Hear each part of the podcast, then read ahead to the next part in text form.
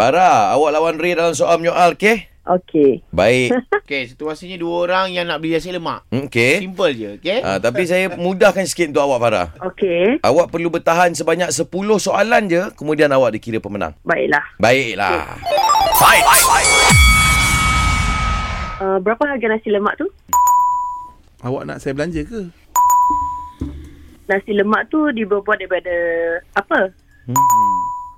Kenapa awak tanya saya? Hmm, Nasi lemak tu uh, sedap ke tak? Hmm, Awak dah rasa ke belum?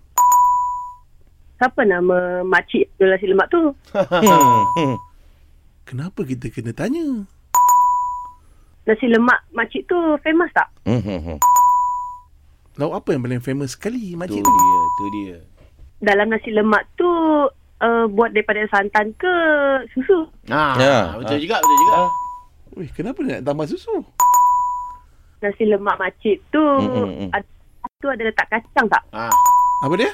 Nasi lemak makcik tu ada letak kacang tak? Alamak, dia Kan saya ulang dah, pula. dah bagi tahu tadi jangan ulang soalan. Ah, dia cakap apa tu tadi? Ah, betul lah Soalan soalan tu. tu. Ah, Baik. Okey Farah sebab Ray dah menang awak kena umum ni. Ray kan tunggu dia sahut panggil dia sayang, ah panggil dia dia sahut je. You win ah tu. ah macam mana? Ah panggil sayang, Sayang? sayang ha ah. Eh. Eh, asal asal Ray? Rasa best pula. Rasa ter- terhibur pula. Pemenangnya adalah Ha ah. Boleh. Oh, ini pertandingan kat sekolah Ray. oh, dia bertandingan sekolah-sekolah ni. lah Alah, alah. Naiklah ambil medal ni.